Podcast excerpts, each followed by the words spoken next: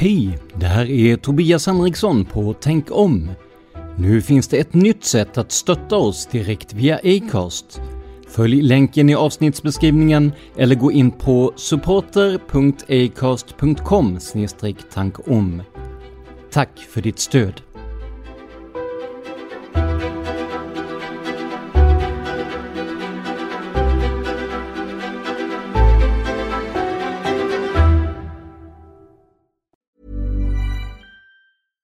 Catch yourself eating the same flavorless dinner three days in a row? Dreaming of something better? Well, HelloFresh is your guilt-free dream come true, baby. It's me, Kiki Palmer. Let's wake up those taste buds with hot, juicy pecan-crusted chicken or garlic butter shrimp scampi. Mm. Hello Fresh. Stop dreaming of all the delicious possibilities and dig in at HelloFresh.com. Let's get this dinner party started. Hiring for your small business? If you're not looking for professionals on LinkedIn, you're looking in the wrong place. That's like looking for your car keys in a fish tank. LinkedIn helps you hire professionals you can't find anywhere else, even those who aren't actively searching for a new job but might be open to the perfect role. In a given month, over 70% of LinkedIn users don't even visit other leading job sites. So start looking in the right place. With LinkedIn, you can hire professionals like a professional. Post your free job on linkedin.com slash achieve today.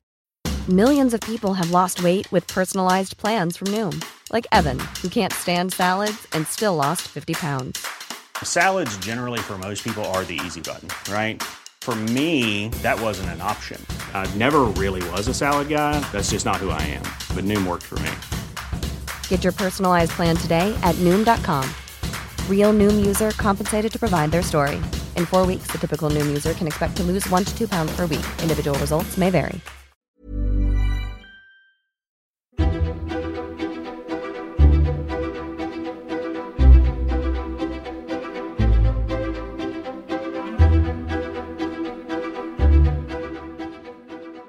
Välkomna till Tänk om! En podcast som granskar konspirationsteorier och myter ur ett journalistiskt och vetenskapligt perspektiv. Jag heter Tobias Henriksson. Gillar ni den här podden och vill höra mer av mig? Gå i så fall gärna in på patreon.com tankom och sponsra oss med en summa per avsnitt. Det är alltså patreon.com tankom. Alla bidrag är välkomna, så stort tack för din hjälp.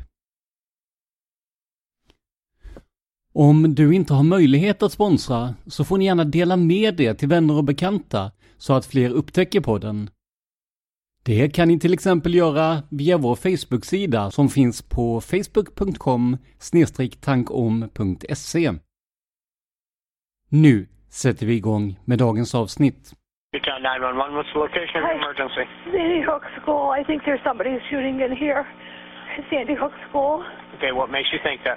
Because somebody's got a gun. I saw a glimpse of somebody. They're running down the hallway. Okay, But well, they're still running. They're still shooting. Sandy Hook School, please. Det här avsnittet är ett samarbete med min kollega Dan Hörnings podcast Massmördarpodden.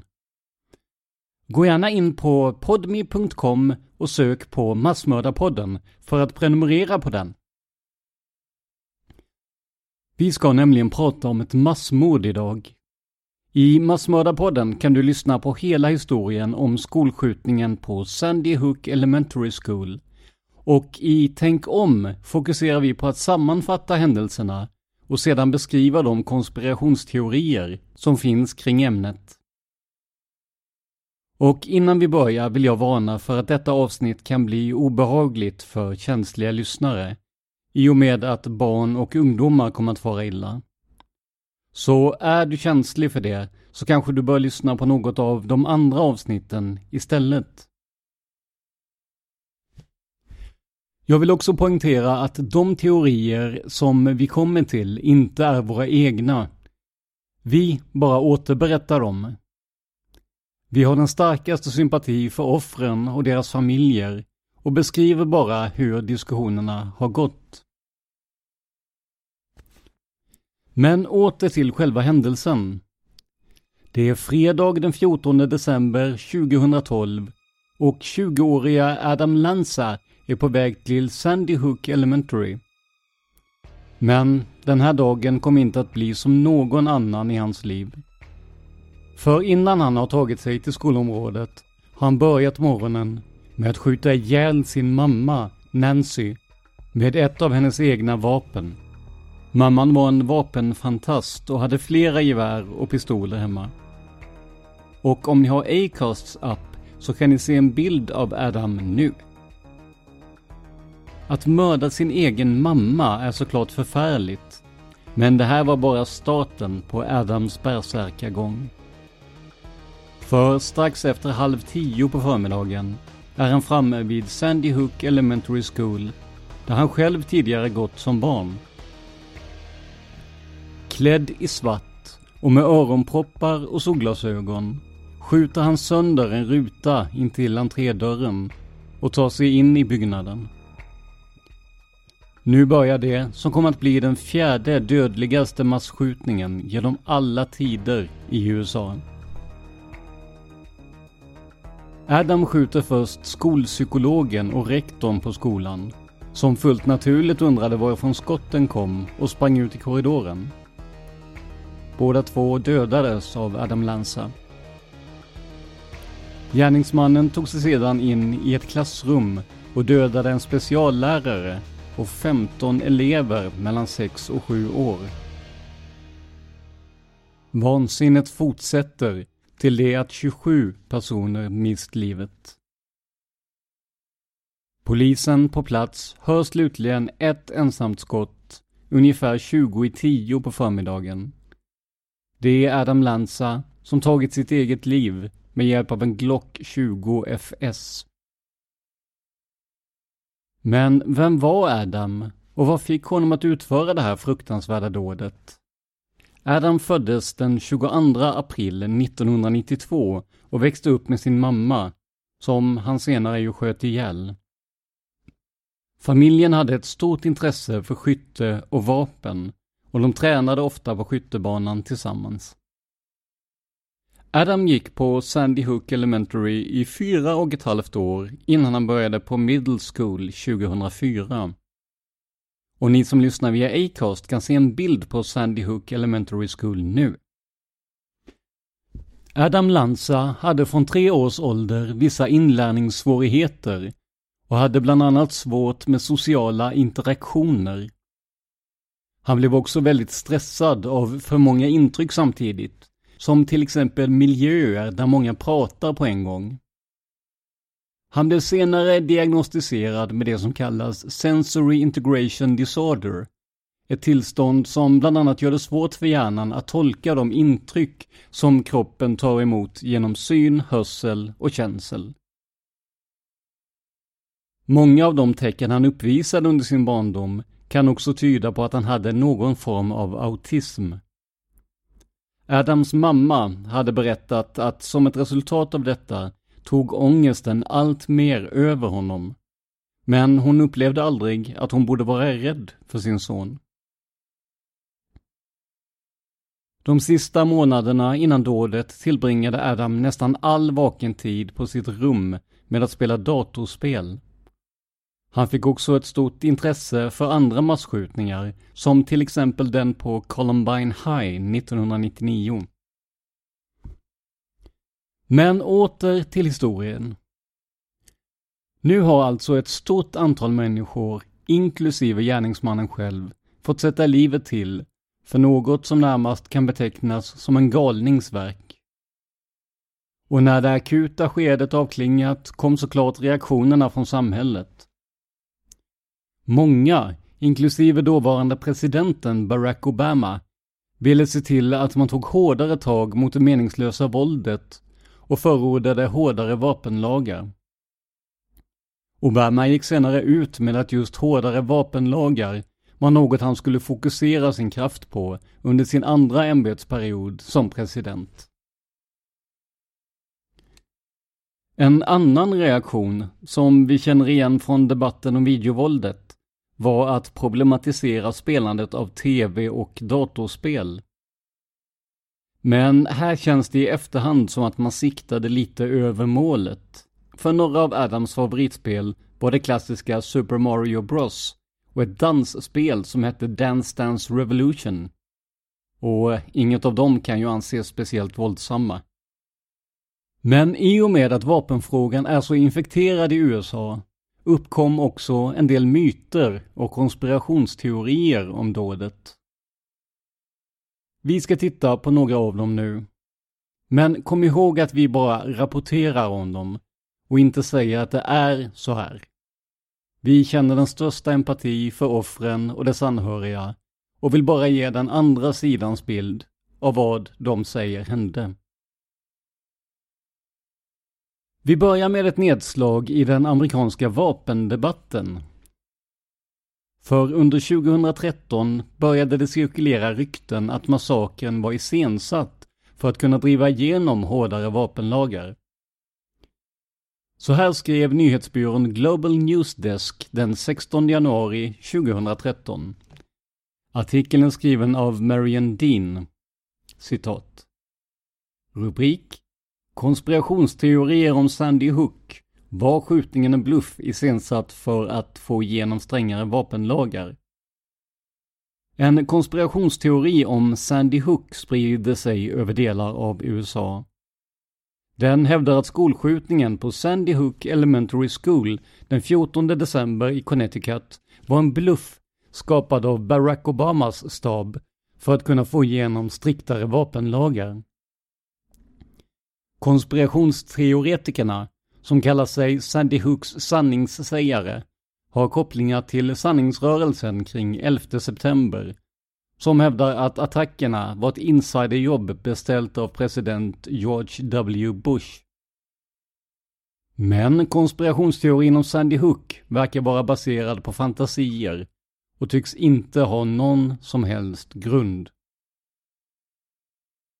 Konspirationsteoretikerna kring fallet Sandy Hook hävdar på bloggar och webbplatser att ett konkret bevis för detta finns. Det här beviset är ett foto av president Barack Obama där han två dagar efter skjutningen är på plats i Newton. På fotot har Barack Obama en ung blond flicka i sitt knä. Konspirationsteoretikerna, som alltså hävdar att skjutningen var en bluff, menar att den blonda flickan är sex år gamla Emily Parker, som sades vara ett av offren i massakern.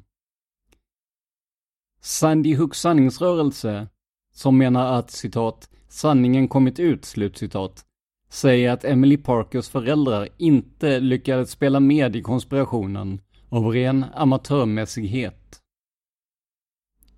En YouTube-video om teorin om citat Sandy Hook-bluffen, slutcitat, har fått mer än 260 000 visningar och hävdar att den unga flickan på fotot är Emily Parker. Motståndare till den här konspirationsteorin säger att den blonda flickan är Emily Parkers lilla syster.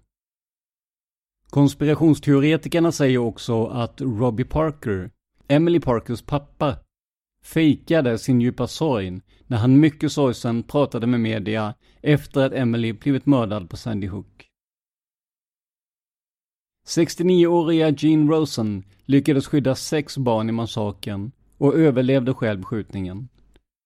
Hon får än idag telefonsamtal med trakasserier från konspirationsteoretiker. Där slutar vi citera Global News Desk. Ni som lyssnar via Acast, ni kan se den omtalade bilden nu.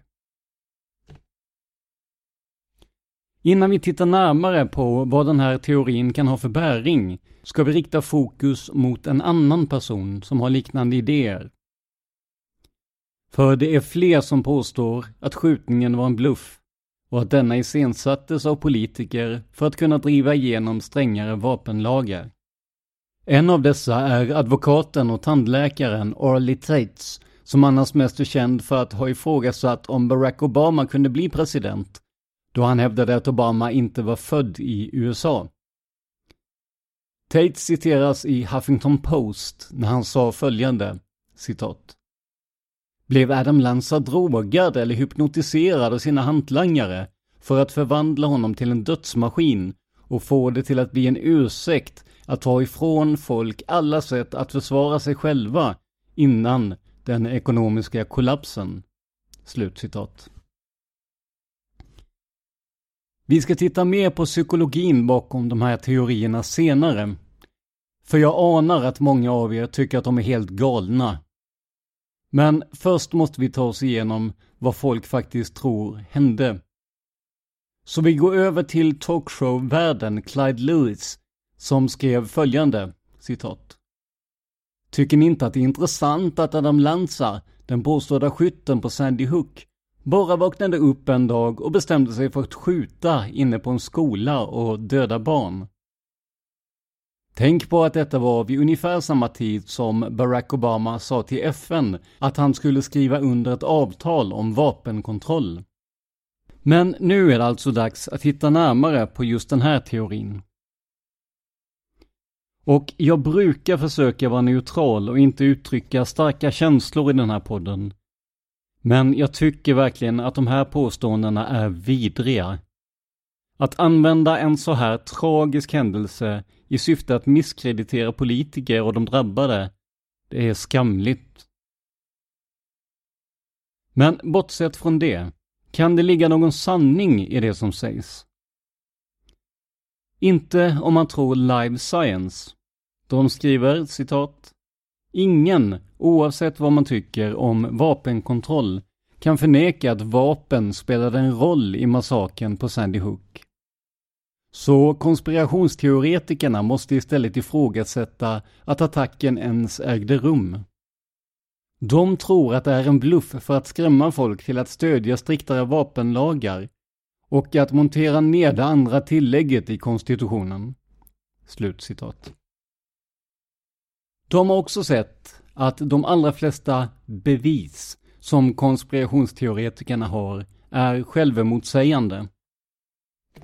Snopes.com, som är en amerikansk viralgranskare kan man säga, har också skjutit flera av de konspirationsteorier som antyder att amerikanska myndigheter var inblandade i sank. Så den här teorin kan vi alltså glömma.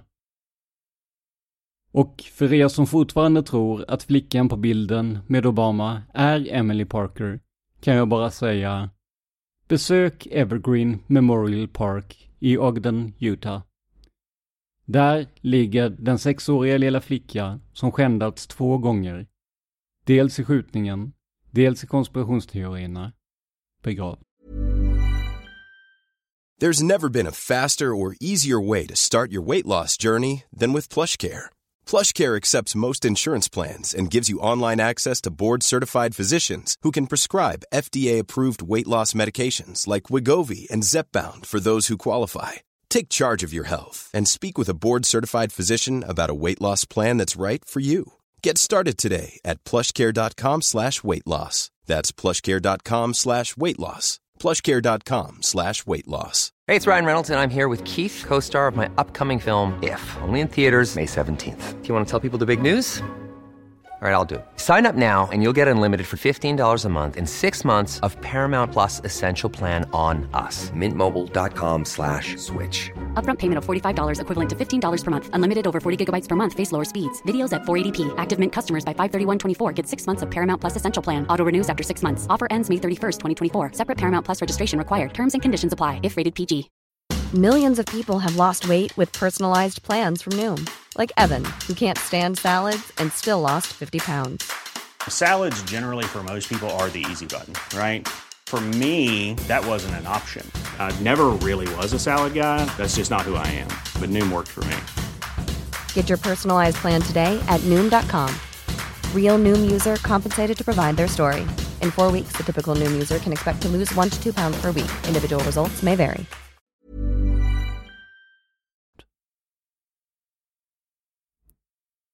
Men det är inte bara inom USA som teorier uppstått om vilka som egentligen var skyldiga. Är man ett land i konflikt går det alldeles utmärkt att utnyttja en sådan här tragedi för egen vinning också. Bland annat har Press TV, som är den statliga nyhetskanalen i Iran, uttryckt ett antal antisemitiska konspirationsteorier där citat israeliska dödspatruller slutcitat ska ligga bakom skjutningen. Press TV intervjuade Gordon Duff på webbplatsen Veterans Today. Gordon citerade i sin tur Michael Harris, som tidigare varit en republikansk kandidat till posten som guvernör i Arizona. Det var från honom tanken om en israelisk dödspatrull kom från början. Harris har också hävdat att samma dödspatruller låg bakom terrorattentaten i Oslo och på Utöja. Men självklart är det här bara nonsens. Så här skriver till exempel Washington Post om de teorierna. Citat. Ryktena uppvisar ett stort antal självklara logiska misstag som är typiska för iransk propaganda. De, alltså Iran, har ett välkänt rykte för att publicera nedsättande anti-Israel material. Slutcitat. The Atlantic skriver i sin tur att uppgifterna citat helt klart spelar på människors värsta rädsla. I alla fall för de som tror på en hemlig judisk sammanslutning som styr över världen. Men det är ett ganska patetiskt försök till misskreditering, till och med för ett land som Iran. Slutcitat. En som inte bara spridit konspirationsteorier om skjutningen, utan som även fått uppleva rättsliga konsekvenser för detta, är den högerinriktade konspirationsteoretikern Alex Jones. Och Acast-användare kan se en bild av honom nu. Alex hade länge ett eget radioprogram där han tog upp olika helt osannolika konspirationsteorier. Och hans främsta signum var väl egentligen att vara arg och påstridig till motparten ger upp. Jones gick tidigt ut med att attacken var en false flag operation, alltså en händelse som iscensattes för att antingen dölja en annan händelse eller att legitimera en förändring i samhället. Han hävdade att skjutningen var iscensatt av myndigheterna och att ingen egentligen dog på Sandy Hook Elementary. I november 2016 skrev Erika L. Lafferty, dotter till rektorn som sköts ihjäl, ett öppet brev till dåvarande presidentkandidaten Donald Trump, där hon bad honom att fördöma Jones uttalanden. Det skedde efter Trump medverkat i Infowars, Jones egen kanal, under sin presidentvalskampanj och öst beröm över dess skapare Alex Jones. Bland annat sa Trump att konspirationsteoretikern hade ett fantastiskt rykte och lovade att inte svika Jones. Den 20 februari 2017 skrev Newton School Board till president Trump och krävde att han skulle erkänna mordet på 26 personer plus Adam på Sandy Hook och att han skulle, citat, dra tillbaka sitt stöd från de som fortsätter att påstå att tragedin var fejkad eller inte på riktigt. Slutcitat. President Trump svarade inte på brevet. I mars 2018 skickade sex familjer till offer från massakern på Sandy Hook Elementary tillsammans med en FBI-agent in en stämningsansökan för förtal mot Alex Jones. Detta för att han fortsatte att sprida konspirationsteorier om fallet. Den 16 april 2018 stämde föräldrarna till två andra offer, Jones, på en miljon dollar per familj. Och jag inser att ämnet Alex Jones är så omfattande att vi kommer att få ta upp honom i ett eget program. Men här har ni i alla fall en kort sammanfattning.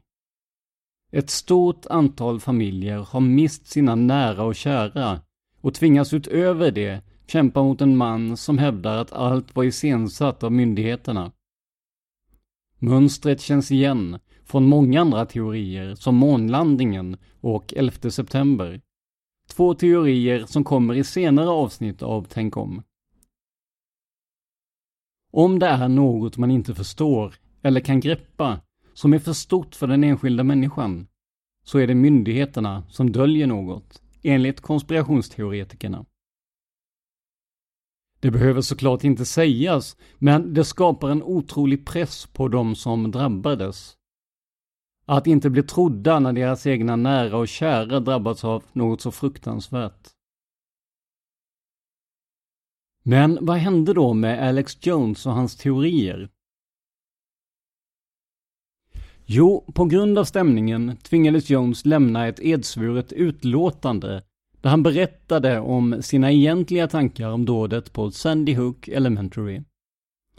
Han skyller där på att han blivit traumatiserad av att media och storföretag ljuger så mycket.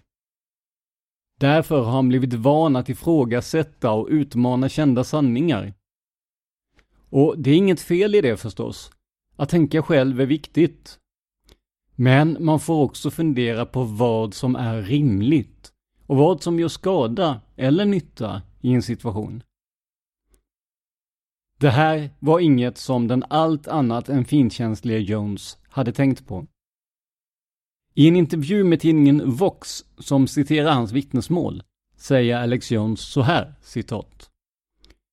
Och för egen del var det nästan som att jag hade någon slags psykos på den tiden, där jag egentligen trodde att allt var fejkat. Detta trots att jag nu lärt mig att en massa saker inte är iscensatta. Så jag tycker att som opinionsbildare har mina åsikter varit felaktiga, men det var aldrig min mening att såra någon. Slutcitat. Och visst, det var säkert inte meningen att aktivt såra någon. Men det låter väl ganska troligt att uttalanden som hans kommer att göra folk illa. Inte sant? Och inte nog med att Alex Jones skrivit och pratat om teorierna. Han har även sökt upp anhöriga till offer för att ställa dem mot väggen. Något som såklart uppfattats som mycket otrevligt. När det här spelas in har det inte kommit någon dom i fallet Jones. Men på ett sätt har han fått sitt straff i alla fall.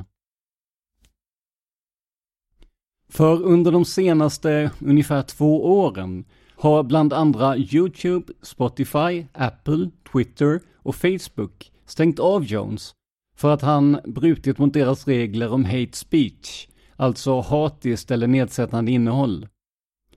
Dessutom stängdes en YouTube-kanal ner som återutsände Jones program. Vi lär ha anledning att återkomma till Jones framöver, men kan bara konstatera att den som skriker högst inte alltid har rätt. Vi nämnde ju att Jones och flera andra konspirationsteoretiker sökte upp offer och anhöriga efter katastrofen. Vi ska titta lite mer på vad som egentligen hände.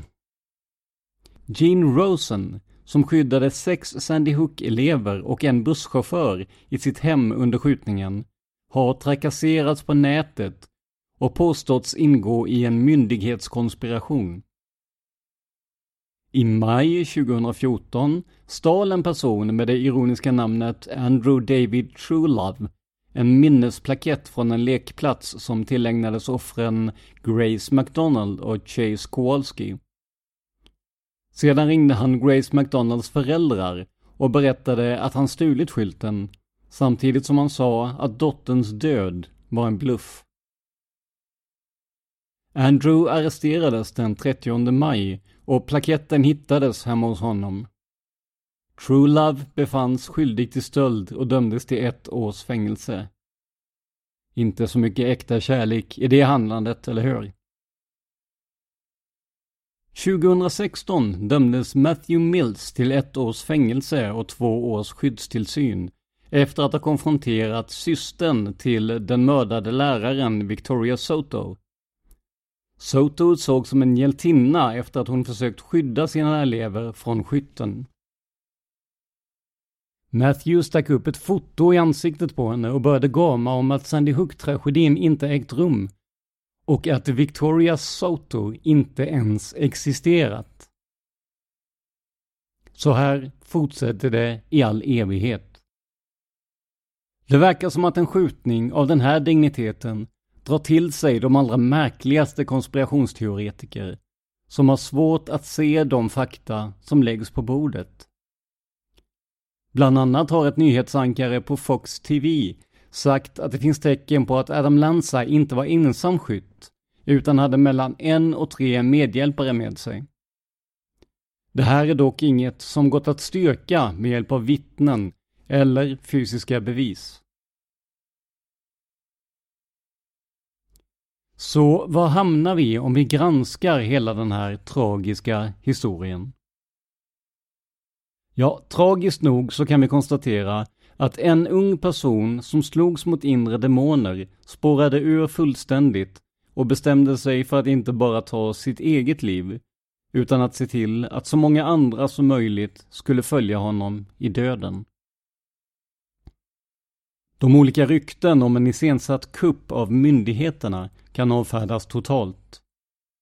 Det finns inte ett enda hållbart bevis som pekar i den riktningen men tusentals som pekar emot det. Ni som är intresserade av att titta djupare på det här kan kolla på Snopes.com som är en amerikansk motsvarighet till Viralgranskaren. De har gjort en helt egen sektion om just den här skjutningen. Och de stavas alltså snopes.com. Det som förbluffar mig med det här ämnet är i huvudsak två saker. Dels att man kan tro på något så galet och dels att man blir så hänsynslös i jakten på det man tror är sanningen. Det är lätt att tro att människorna bakom de här teorierna är helt verklighetsfrånvända och galna. Men så behöver inte vara fallet. Det finns nämligen en psykologisk förklaring till beteendet. I alla fall till viss del. Den heter på engelska Illusory Truth Effect och kan löst översättas till den felaktiga sanningens effekt. Den går helt enkelt ut på att om en historia upprepas tillräckligt många gånger så är det en större chans att folk till slut misstar den för sanning eller börjar tro på den. Det här kan ju likställas med propaganda och resultatet av den här psykologiska förklaringen sägs bland annat ha kunnat ses bland tyskar under Hitlertiden. Om man upprepar en lögn tillräckligt ofta, oavsett om det gäller Lebensraum eller skolskjutningar, så kan den tas för sann.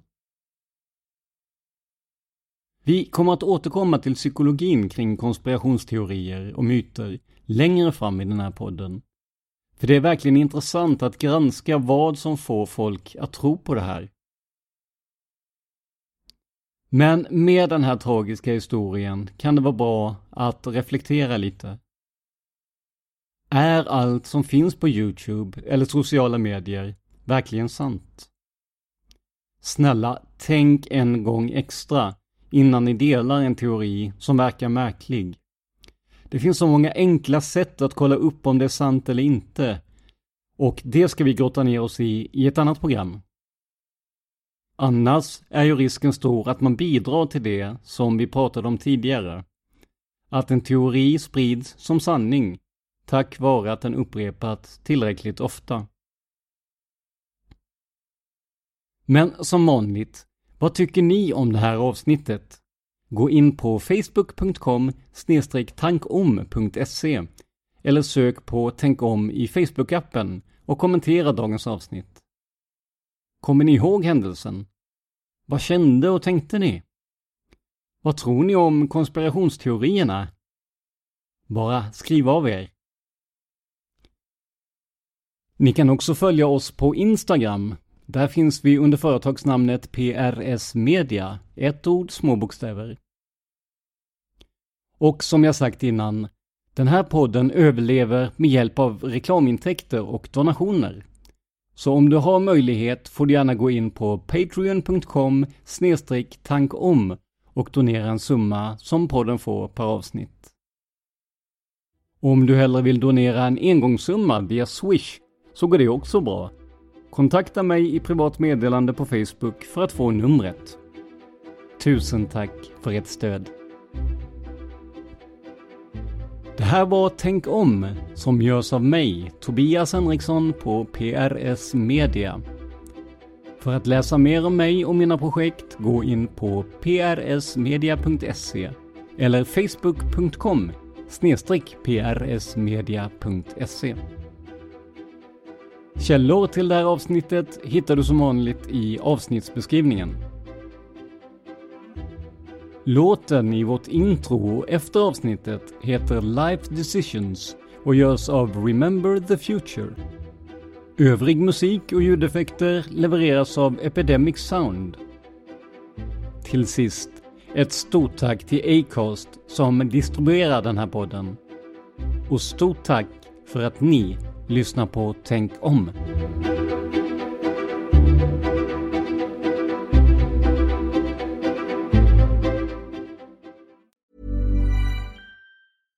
Step onto the legendary clay courts of Roland Garros, where the world's best players battle it out for a chance to win the French Open title. Tennis Channel Plus is your place to watch. Stream every court from your phone or smart TV, live in HD.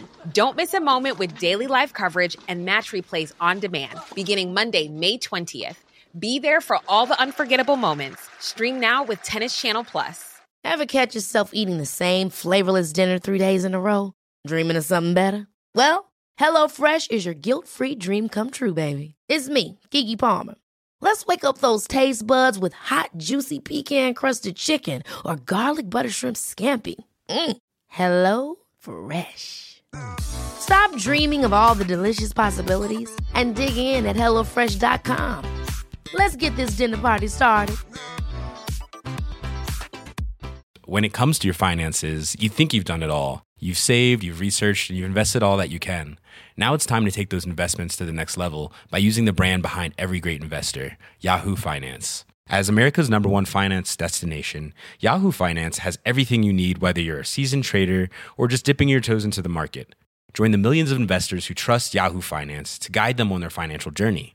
For comprehensive financial news and analysis, visit yahoofinance.com, the number one financial destination, yahoofinance.com.